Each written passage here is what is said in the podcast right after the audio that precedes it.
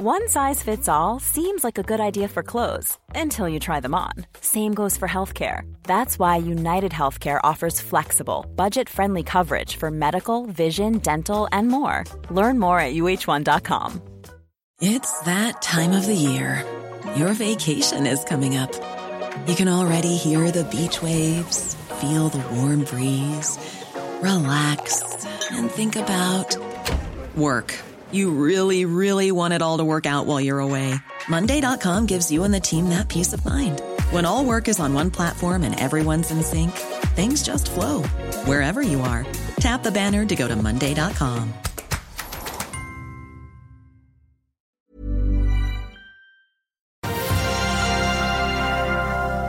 Otovo og IEVS sendte penger. Oaktree dumper halvparten av aksjene sine i produkttankrederiet Hafnia. Og Bård Drilling jekker opp fremtidsutsiktene sine kraftig. Det er onsdag 25.1. Velkommen til Børsmorgen.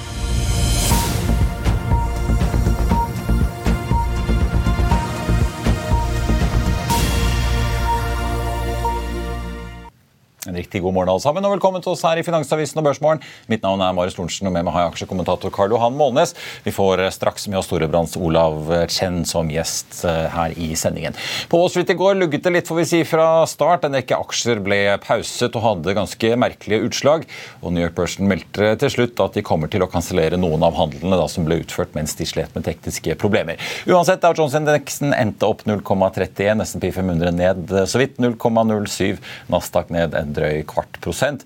Oljeprisen tikket også litt ned i går. Ligger nå på ja, 86,45 så vidt i minus på nordsjøoljen. Amerikanske lettoljen på 80,25, fortsatt da over 80 dollar fatet. Børsene i Asia, de som i hvert fall er åpne for handel da under kinesisk nyttår, fortsetter å stige videre på onsdag. Vi ser at Nikkei-indeksen i Japan er opp 0,35% nå når ting begynner å stenge ned der borte. Hovedindeksen her hjemme endte ned 0,6 i går, og både, både DNB og Nordnett venter en relativt flat start i dag. De europeiske futuresene er svakt i eh, minus. Så får vi også ta med da at vi har jo fått inflasjonstall fra våre venner Down Under i New Zealand og Australia. Og i Australia så er prisveksten nå på det høyeste på over 30 år, i hvert fall i viser tallene det for fjerde kvartal. Inflasjonen endte på 7,8% på årsbasis. I nabolandet New Zealand endte det på 7,2 så må vi jo ta med da hva som skjer i produktet Tank, der altså storaksjonær Oaktree sent i går varslet at de ville selge unna potensielt halvparten av aksjene sine i Hafnia. Det var snakk om da drøye 25 millioner aksjer, tilsvarende rundt da 5% av selskapet, til 50 kroner stykket. Og De hyret inn Fearnley, Jefferies og Pareto til å få den jobben gjort. og På morgenkvisten så har vi da fått bekreftelse på at salget gikk gjennom. Aksjen var jo ned rundt 4 fra før i går og vaket rundt 52, endte på 51,80. Og de fikk solgt da for 50 kroner blank, og Oaktree sitter nå igjen med 4,97% eierskap under da flaggegrensen, får vi si. Oaktree har også varslet at de kommer til å trekke seg fra styreplassen de har i Hafnia når salget nå har gått gjennom. Skana og deres datterselskap PSW Technology har eh, sikret seg en treårig kontrakt for vedlikeholdstjenester med Equinor på Mongstad-raffineriet. Den betydelige kontrakten har en verdi på rundt 200 millioner kroner i året, eller totalt av om lag 1,8 milliarder, inkludert alle opsjonene over eh, de potensielt da ni årene kontrakten kan løpe, kommer det frem i en melding fra Skana. Så er det mange finansieringsnyheter får vi si, i dag som påvirker en rekke selskapers balanse. Nell har solgt alle Hyon-aksjene sine for 7 millioner kroner uten noen videre forklaring i børsmeldingen. Og som jeg nevnte, så har da IVS, eller Integrated Wind Solutions, som havvindserviceselskapet egentlig heter, kommet med en ganske stor melding. For det første melder de om forsinkelser på de to første havvindservice-skipene sine. Og de kommer nå, Det første av de kommer på kontrakt da fra fjerde kvartal i år, og det andre skal være klart for markedet i første kvartal neste år. Det er omtrent et kvartals forsinkelse på begge to. og Det skyldes at eh, gangbroløsningen på disse skipene ikke leveres som eh, planlagt. Selskapet sier at det kun gir et mindre finansielt eh, utslag. Og dette første skipet skulle da på kontrakt på Doggerbank i Storbritannia, det store havvindparken der. Og de meldte også at de ville hente inn nye 350 millioner, og det gjorde de også da til 33 kroner aksjen. Rabatten endte på drøye 4 mot sluttkursen på tirsdag. I den rettede emisjonen det kommer ingen reparasjonsemisjon. og Det var da ABG, Clarksons, SEB, Sparebank Markets og Arctic som var hyret inn for å bidra med det. Og Pengene skal gå til å innbetale penger til verftene som bygger de skipene for IWS. Og de har jo da så langt eh, Eller de har igjen, da får vi si, 71 millioner euro i innbetalinger til verftene i år. Og 63 millioner euro da i eh, neste år. Og så merke at IV signerte en lånefasilitet i april i fjor på 56 millioner euro med ulike banker og Eksportfinans Norge. IVS melder også at de har eh, bestilt to havvindserviceskip til med da opsjonene som de har med China Merchants-verftet. Leveransen skal skje i, mot sommeren da i 2025 med en prislapp på litt over 52 millioner euro per skip. Og med dette så vil IWS ha en flåte på seks eh, såkalte Skywalker-skip eh, til da service for havvindindustrien. Bård Ring er ute med en ny guiding, og Riggselskapet venter en rekordinntekt i 2022 på rundt 443 millioner dollar. Det er opp 14% fra midtpunktet på guidingen de ga forrige gang.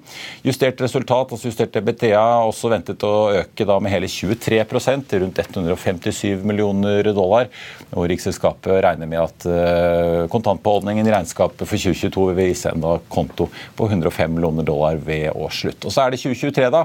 Der regner de da med, basert på ordreboken de har, og anslag for nye kontrakter, at inntektene skal øke til mellom 740 og 780 millioner dollar. Vi snakker altså nesten en dobling fra i fjor. Og det justerte resultatet er ventet på mellom 360 og 400 millioner dollar. Det er også opp da 23% fra forrige anslag.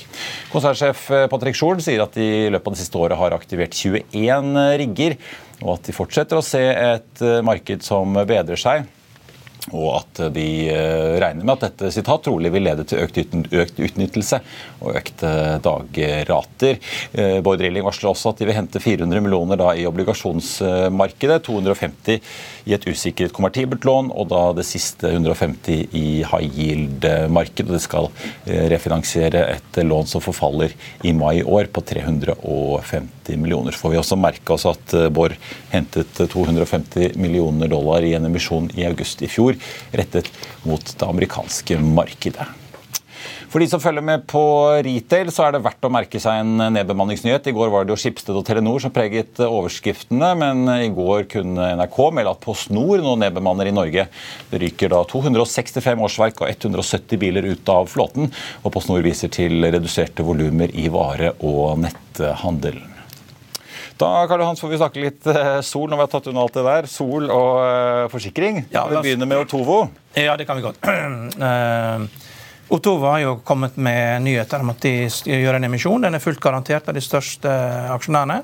200 millioner kroner. Og de har, fått, de har skiftet bank. Gått fra Nordea til uh, DNB og, og, DNB, ja. og Sparebanken. Og, ja, og det ja.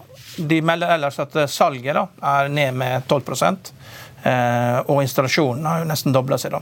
Men problemet til Otto er jo det samme her. Da. Det er jo at de har negativ kontantstrøm på 400 millioner i år. Ligger an til å få det samme neste år. og 600 millioner neste år. Men nå skal jo de over på leasing, og nå har jo de sikra seg finansiering da, til å få installert 12 500 enheter. Ja. Men uh, dette her er uh, det er jo en forretningsmodell som ikke fungerer i USA. og Første gang jeg ble oppmerksom på det, så hørte jeg på en podkast, og da hørte jeg at de la om strategien fra å gå fra å selge til å lease. Og Årsaken var at eh, det var det de største i USA holder på med. Og Da tenkte jeg er det ingen voksne hjemme her nå. hvorfor legger de om i USA? da? Det er jo for at det ikke har fungert. Og leasing fungerer heller ikke. Men det er jo sånn at i Norge at vi er jo et do it yourself society. Vi, vi skal jo gjøre alt feil sjøl. Vi nekter jo å lære av andre. Og, og, så det, dette her de må bare holde på. og Når du da er aksjonær i Otovo, eh, og de fleste av de, de aksjonærer Dette er egentlig ikke en aksje. Dette er eh, de som har prøvd å, å, å låne aksjer for å shorte. De finner ingen aksjer å shorte. Så dette er eid av folk som ønsker å ha et grønnere fotavtrykk. Og jeg er sikker på Axfood eh, kan gå i banken og si at jo da, hvert år så øker vi vår investering i, i sol, og det er mye enklere å gjøre det enn å gjøre noe med sin egen virksomhet, og da får du billigere lån. Ja. Eh, så dette er for posører, rett og slett. Men er det, hva leser vi at de har byttet bank? da? Er det bare fordi at eh, DNB og, og Sparebank NSR-bank koster bedre vilkår? Nei, det er når de er ferdig med dette? Det er, jo, det, er jo greit at, eh, det er jo greit at De må jo prøve å finne en måte å tjene penger på. Det er én måte å tjene penger på, det er SunPower i USA viste.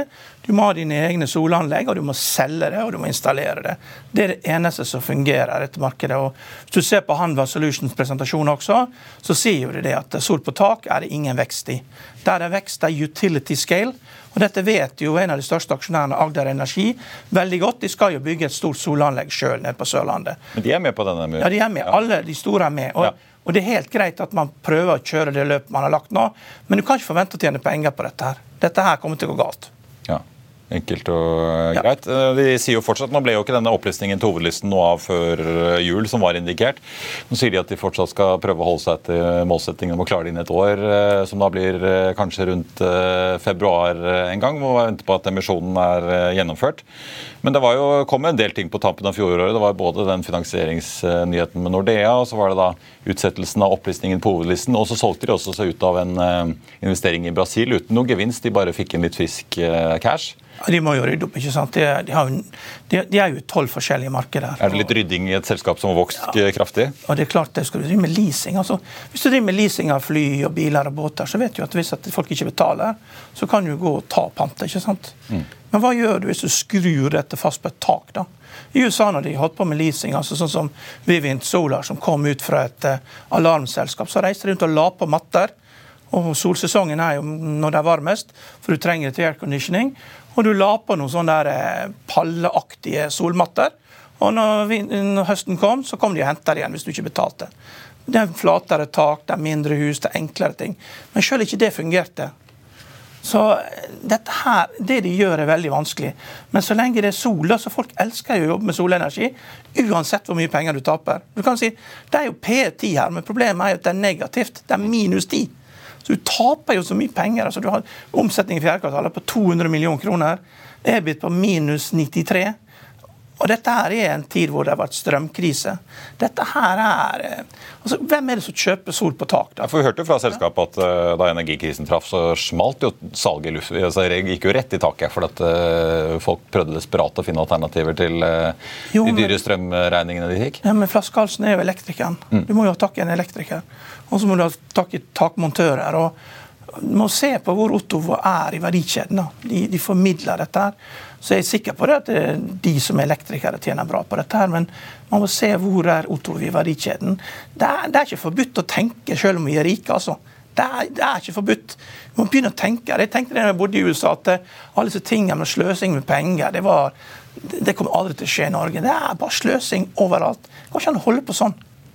Jeg ser Otovo eh, åpner litt eh, så vidt under emisjonskursen på 1988. Eh, ligger nå på 1950. Det var litt i grønn, og ligger ned en prosent. Men vi må snakke om også for så vidt Borr og drilling også starter opp 1,8% på deres oppjusterte guiding. Ligger nå, ja, 2 ligger de nå på en hovedindeks som er ned 0,3. Men vi må snakke om Insidio, for Insidio faller nesten 6% og de er ute med kvartalstallene sine. Overskriften at de leverer lavere enn ventet ventet jevnt over linjen? Det som er nøkkeltallet her, er jo combined ratio. ikke sant? 85,6 mot 82 i fjor. da, slik at For hele året så er det 81 mot 80 året før. Men utbyttet da på 8,25 er litt over 4% Så combined ratio er jo det viktige. da. Det er jo summen av tap og kostnader mm. delt på premieinntektene. Så det er det alle følger med på. Ja, Veldig bra. Vi skal ta en uh, gjest vår, Olav Skjenn. Vi er tilbake rett etter dette. Vil du bli oppdatert på det viktigste som har skjedd innen finans og næringsliv? Da er det bare å følge med, for hver morgen er jeg, Marius Lorentzen og aksjekommentator Karl Johan Malnes på plass i studio for å ta tempen på dagens marked i Børsmorgen. Og hver ettermiddag oppsummerer vi alt du trenger å vite i økonominyhetene, og det blir selvfølgelig masse interessante gjester. Klikk deg inn på fa.no-tv, eller søk opp Børsmorgen og Økonominyhetene der du hører på podkast.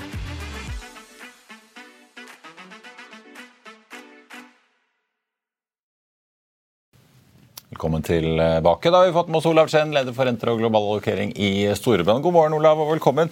Eh, skal vi begynne å snakke litt om eh, kanskje resultatsesongen, som jo veldig mange sitter og følger tett med på nå. Det er jo ikke bare her i Norge at eh, vi får eh, stadig nye tall. Vi ser jo det renner inn på Wall Street eh, også, inkludert av fra Microsoft i går. Eh, er det noe spesielt du har bitt deg merke så langt, eller? Nei, Vi er vel fortsatt uh, tidlig, uh, men uh, vi følger jo det her tett. og Det er vel om de leverer på i forhold til både forventningene, men ikke minst forventningene som man har holdt på makrosiden. Når det er sagt, så ser, ser vi, eller ser jeg i hvert fall et skift i forhold til sentimentet når det gjelder makro også. Eh, forsterket av eh, gjenåpning i Kina, men også en del som snur seg på vekstutsiktene for Europa. Hvis, var, hvis, man gikk bare noen måneder tilbake, så var jo det konsensus, og alle er sikre på at Europa skulle gå i en hard resesjon. Men det virker som folk har snudd seg litt der.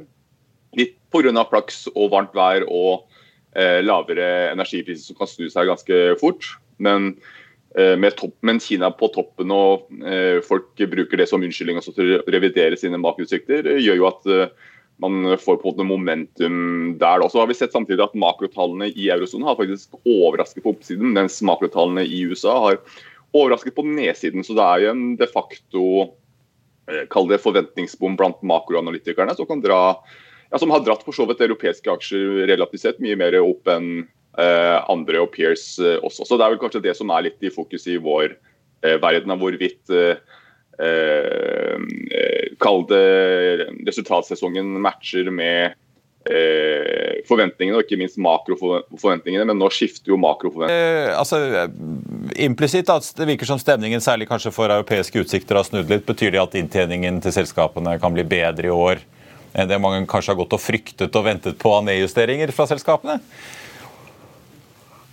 Ja, i hvert fall på marginen. Eh, men nå tror jeg i hvert fall forventningen er kanskje at det her eh, i større grad bare litt utsatt, eh, utsatt litt. Så det vi er inne nå, er jo egentlig bak speilet. Så større spenning er nok hva som skjer fremover også. Men jeg tror nok det vil nok få folk til å og mye kaste seg på allerede, men eh, eh potensielt bli mer eh, positive. Og det ser vi jo for så vidt i markedene også allerede. Ja, skal Vi ta litt? Vi hadde jo Paul Harper i DNB Markets her i går og diskuterte litt liksom den ganske kraftige oppgangen vi har sett på en god del eh, indekser fra starten av året. Nasdaq er vel opp en åtte. Sist jeg sjekket var vel Dagsen i Frankfurt også opp eh, godt over 8% så langt i år. Hvordan leser du den oppgangen. Karl Johan, du trodde vel kanskje at det var et forsinket julerally vi har sett nå i januar? Ja, helt klart. Hva tror du, Olav? Er det, er det bare noe midlertidig, eller er det litt sånn der, noe som er, kan være mer varig? Dette Jeg tror resesjonsfrykten kommer til å eh, vare ved inntil du får en resesjon. fordi vi er jo Det vi ikke kommer utenom, er at vi er sen i sykelen. Hvis du spesielt, kanskje enklest å se i USA, hvor arbeidsledigheten er på det laveste nivået siden 60-tallet. Så jeg tror jo fortsatt kommer til å ha det hengende over oss. Men så kommer man til å på en måte sikkert ha en del eh, Kall det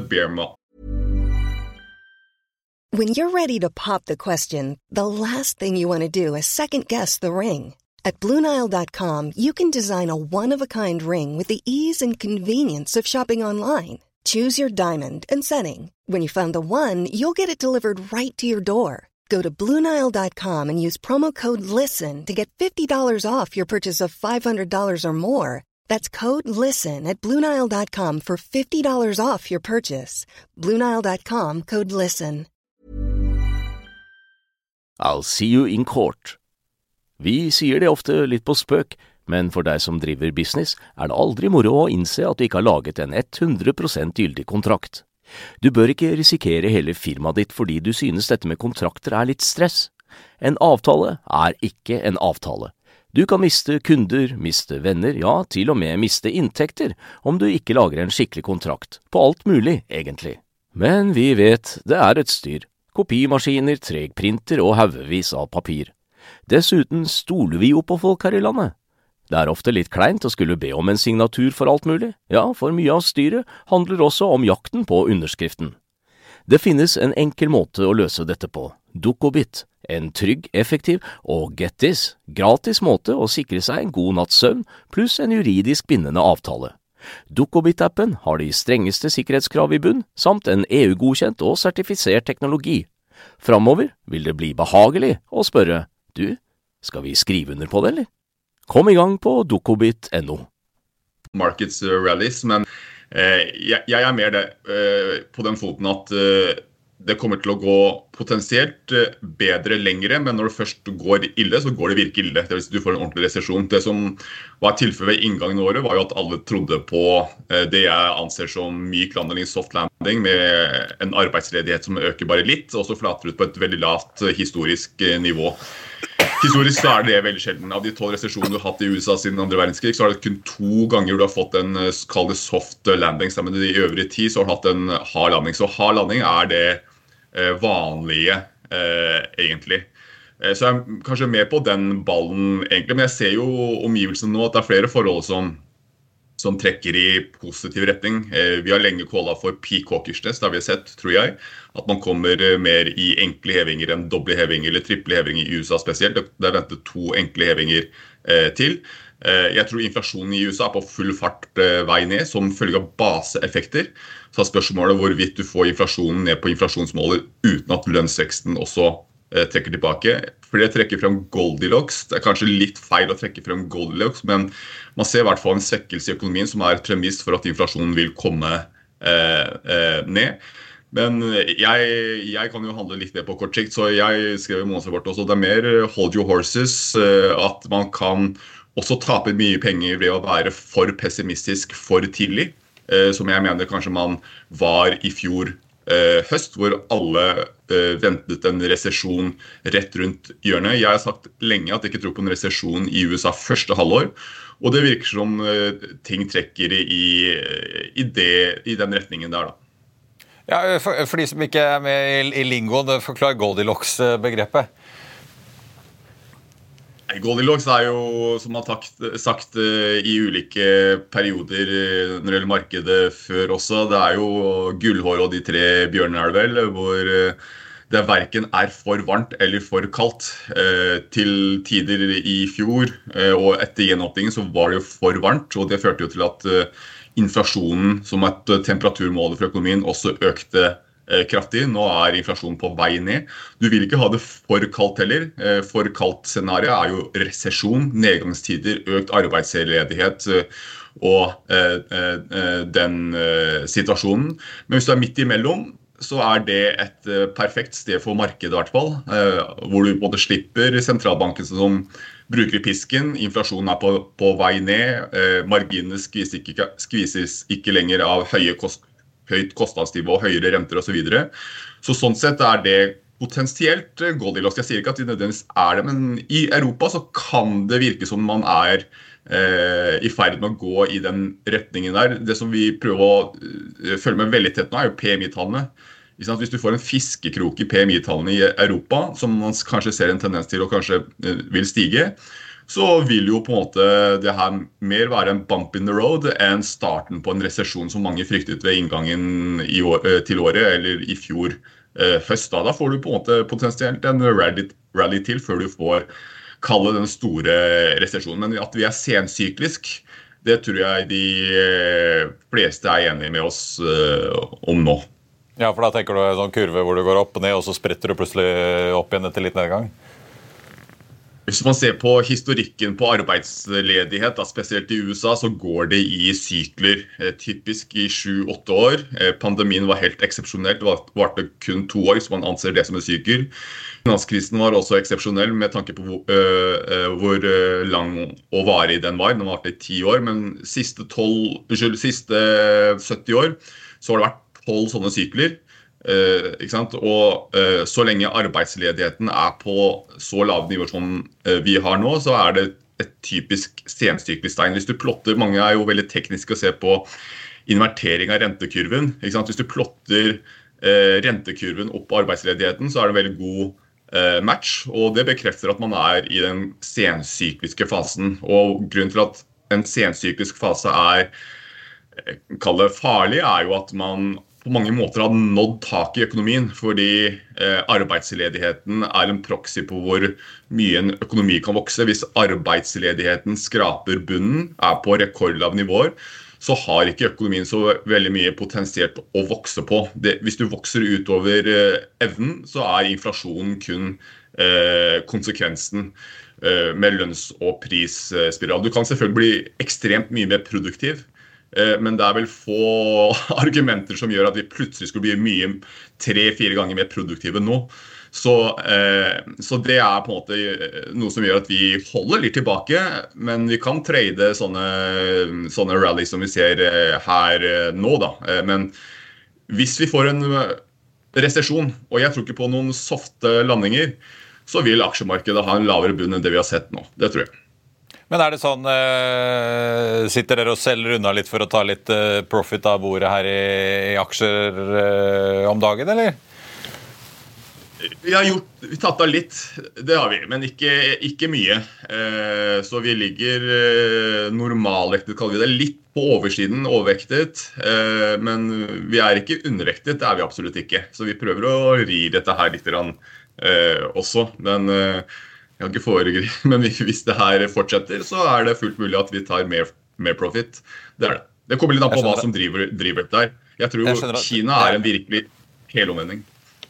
Ja, ja, for det, men det, ja, for jeg tenkte vi må høre litt med hva du tror om liksom Kina er liksom jokeren, eller kan bli avviket hvis de åpner opp og drar med seg en del asiatiske økonomier. Eh, i år? Kina er en klar Mange prater om Fed pivot, eller helomvending. Men det som skjedde i Kina, er virkelig en helomvending og pivot som overrasket alle. Eh, de eh, Kina-kjennerne som også jeg fulgte med, eh, ingen av de hadde sett for seg eller trodd at skulle få en helomvending i den politikken her. Så det har virkelig tatt kall markedsaktører og mange på sengen. Så jeg mener det her er om ikke utelukkende positivt, men netto positivt.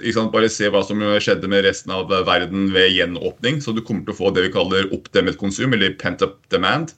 Så er spørsmålet om du i neste omgang eh, får inflasjon. Jeg ser flere som på en måte prøver å finne noen negative ting. Selvfølgelig kan du få inflasjon også, men det blir på en måte nesteordens effekt igjen. Så det er for tidlig å prate om den negative effekten før du egentlig har fått fullt ut priset inn den positive effekten. For meg så er det helt klart en positiv effekt og kan utsette den globale resesjonen noe. Kan hende den globale resesjonen som alle har ventet på, først blir et 2024-tema. Og i hvert fall ikke første halvår 2023-tema, tror jeg. Der, der, tror jeg på en måte eh, det er flere forhold som gjør at uh, den ser ganske bankers ut, spør du meg, da, i, min, uh, i mitt hode. Karl Johan Kina reddet jo Norge på mange måter ut av finanskrisen med en sånn kjempeappetitt for råvarer som vi levde godt på det det hele verden. finanskrisen. Men, kan da, det skje igjen? Da hadde de ikke noe gjeld. Nå har de masse gjeld.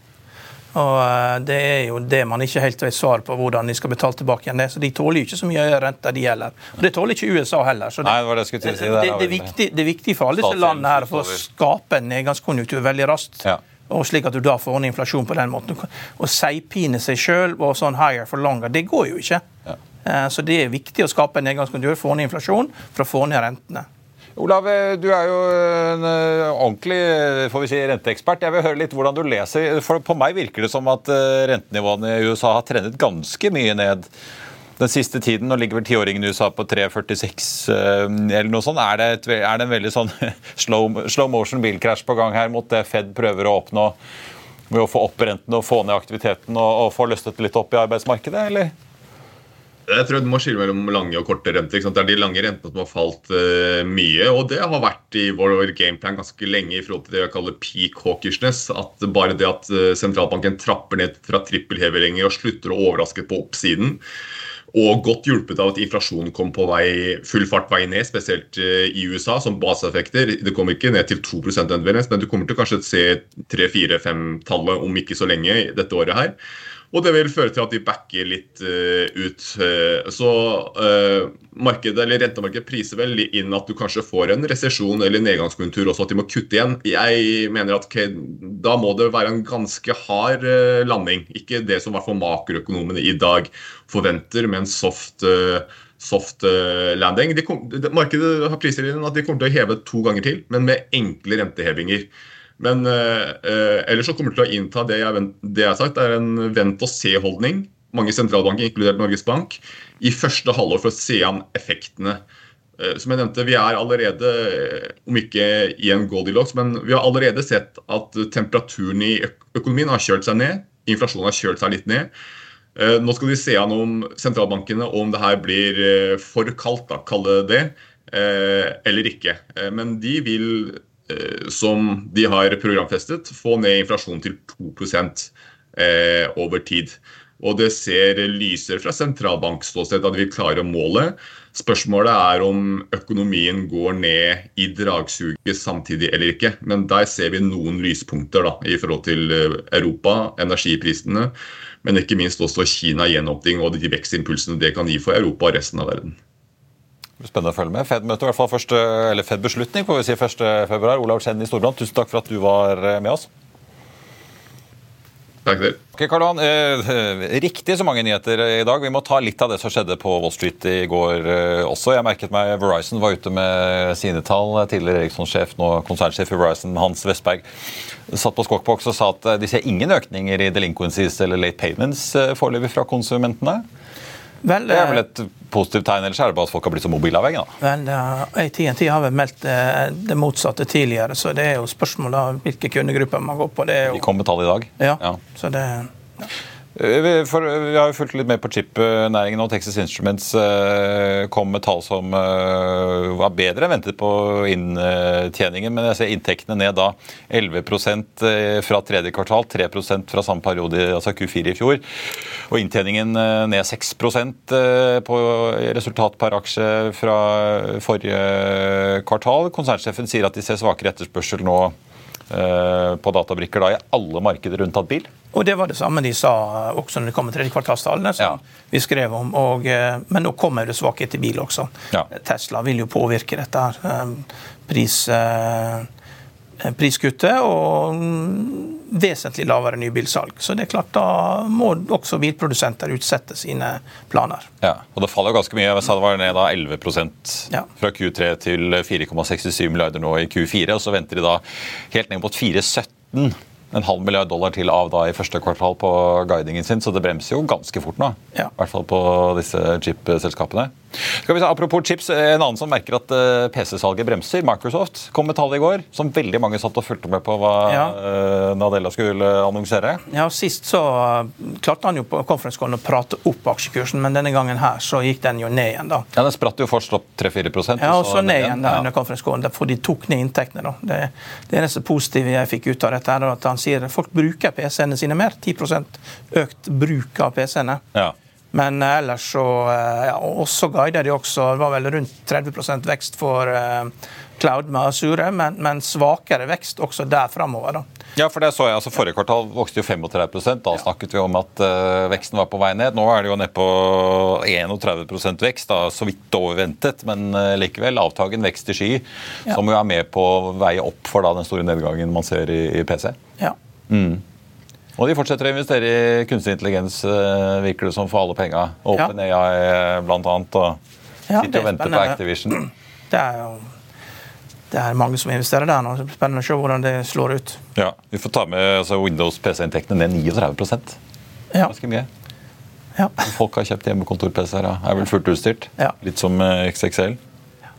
Eh, ellers Jeg la merke til at eh, nå har jo det amerikanske justisdepartementet gått i søksmål mot uh, Google. for å, De mener de har brutt konkurranselover og tatt seg til rette mot konkurrenter i reklamemarkedet for uh, nettsider og nettaviser og andre som bruker Google til å selge annonser. Ja, men det er sikkert billigere å betale bota enn å, enn å, for det de har gjort, enn å og så bli ferdig med det noe annet. Så det er vel eh, det som ikke det. Google er jo search, det er jo hovedandelen av businessen deres. Mm. Alt annet er jo staffasje rundt omkring. rundt det. Jeg ser jo nå er disse Senatorene i Kongressen hun går løs på billett, nettbillettsalg, Ticketmaster og disse her, etter at noen Taylor Swift-konsertsalg gikk litt ad undas. Eh, Antitrust is back, var det noen som sa i går. Ja, det var, jeg hørte vel på et uh, lydklipp at det, de klagde på at de ikke klarte å sortere ut hva som var bots og hva som var kunder. og Da var det en litt uh, kjapp kongressmedlem som sa at uh, det klarer mitt lokale televerk å gjøre, eller mitt lokale kraftverk å gjøre.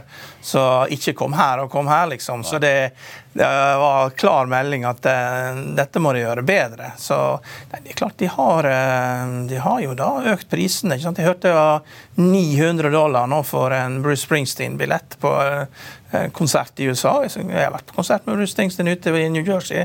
Det er helt fantastisk. Det er verdt hver en eneste dollar. Det er verdt 100 dollar. Ja, ja, så det er jo fire konserter på rad, og det er helt fantastisk. Det er, men det er klart det er jo noen som liker å se konserter i regn i Norge også. Det er mye kjekkere, det, ikke sant? Mm. Hver sin smak. Ja. ja. På tappen tenkte jeg bare må ta med, Det har kommet melding fra Doff. Aksjen der er opp eh, nesten 12 eh, De har da annonsert en kontrakt verdt rundt en halv milliard, eller 51 millioner dollar da med Petrobras i eh, Brasil. For en fireårskontrakt for en ankerhåndterer som skal starte opp litt senere år i tredje kvartal. Ellers PGS er opp en prosent i dag. De melder at de nå går inn i havvindmarkedet. De har blitt tildelt en seismikkontrakt som dekker to europeiske havvindparker som er under utvikling. Og dette er da selskapets første innen forretningsområdet. Carnegie har for øvrig regnet litt på PGS, jekker opp sitt kursmål da fra 12 til 14 kroner, gjentar kjøpsanbefalingen. Aksjen endte i går på 7,83. Nå ligger den da på nesten 8 kroner. Aksjen eh, nå i eh, handelen når vi er en halvtime inn i børsdagen. HSBC har regnet på Equinor. Kutter kursmålet der fra 404 til 325, gjentar sin håndanbefaling. Den endte i går på 390 og faller 0,6 i dag til 298 åtte. Goldman Sachs har regnet litt på Entra, så da oppjusterer de kursmålet fra 81 til 100 kroner, men gjentar fortsatt da salgsanbefalingen sin. Entra endte i går på 121,3. Ellers Otovo opp 1,2% nå. De har svingt litt rundt eh, nullpunktet etter meldingen både med kvartalstall og en ny finansiering og emisjon. Gjensidige faller hele nå 6,3 da på deres eh, kvartalsrapport.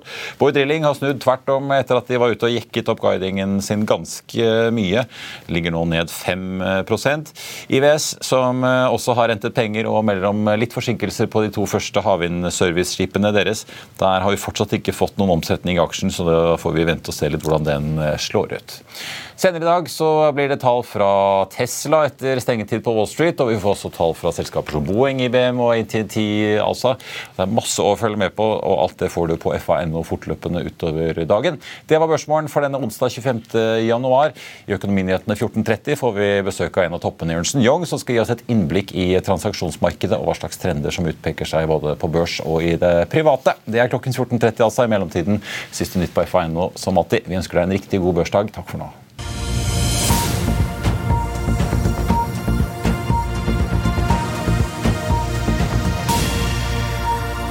Økonominyhetene er en podkast fra Finansavisen. Programledere er Marius Lorentzen, Stein Ove Haugen og Benedikte Storm Bamvik. Produsenter er Lars Brenden Skram og Bashar Johar. Og ansvarlig redaktør er Trygve Hegnar.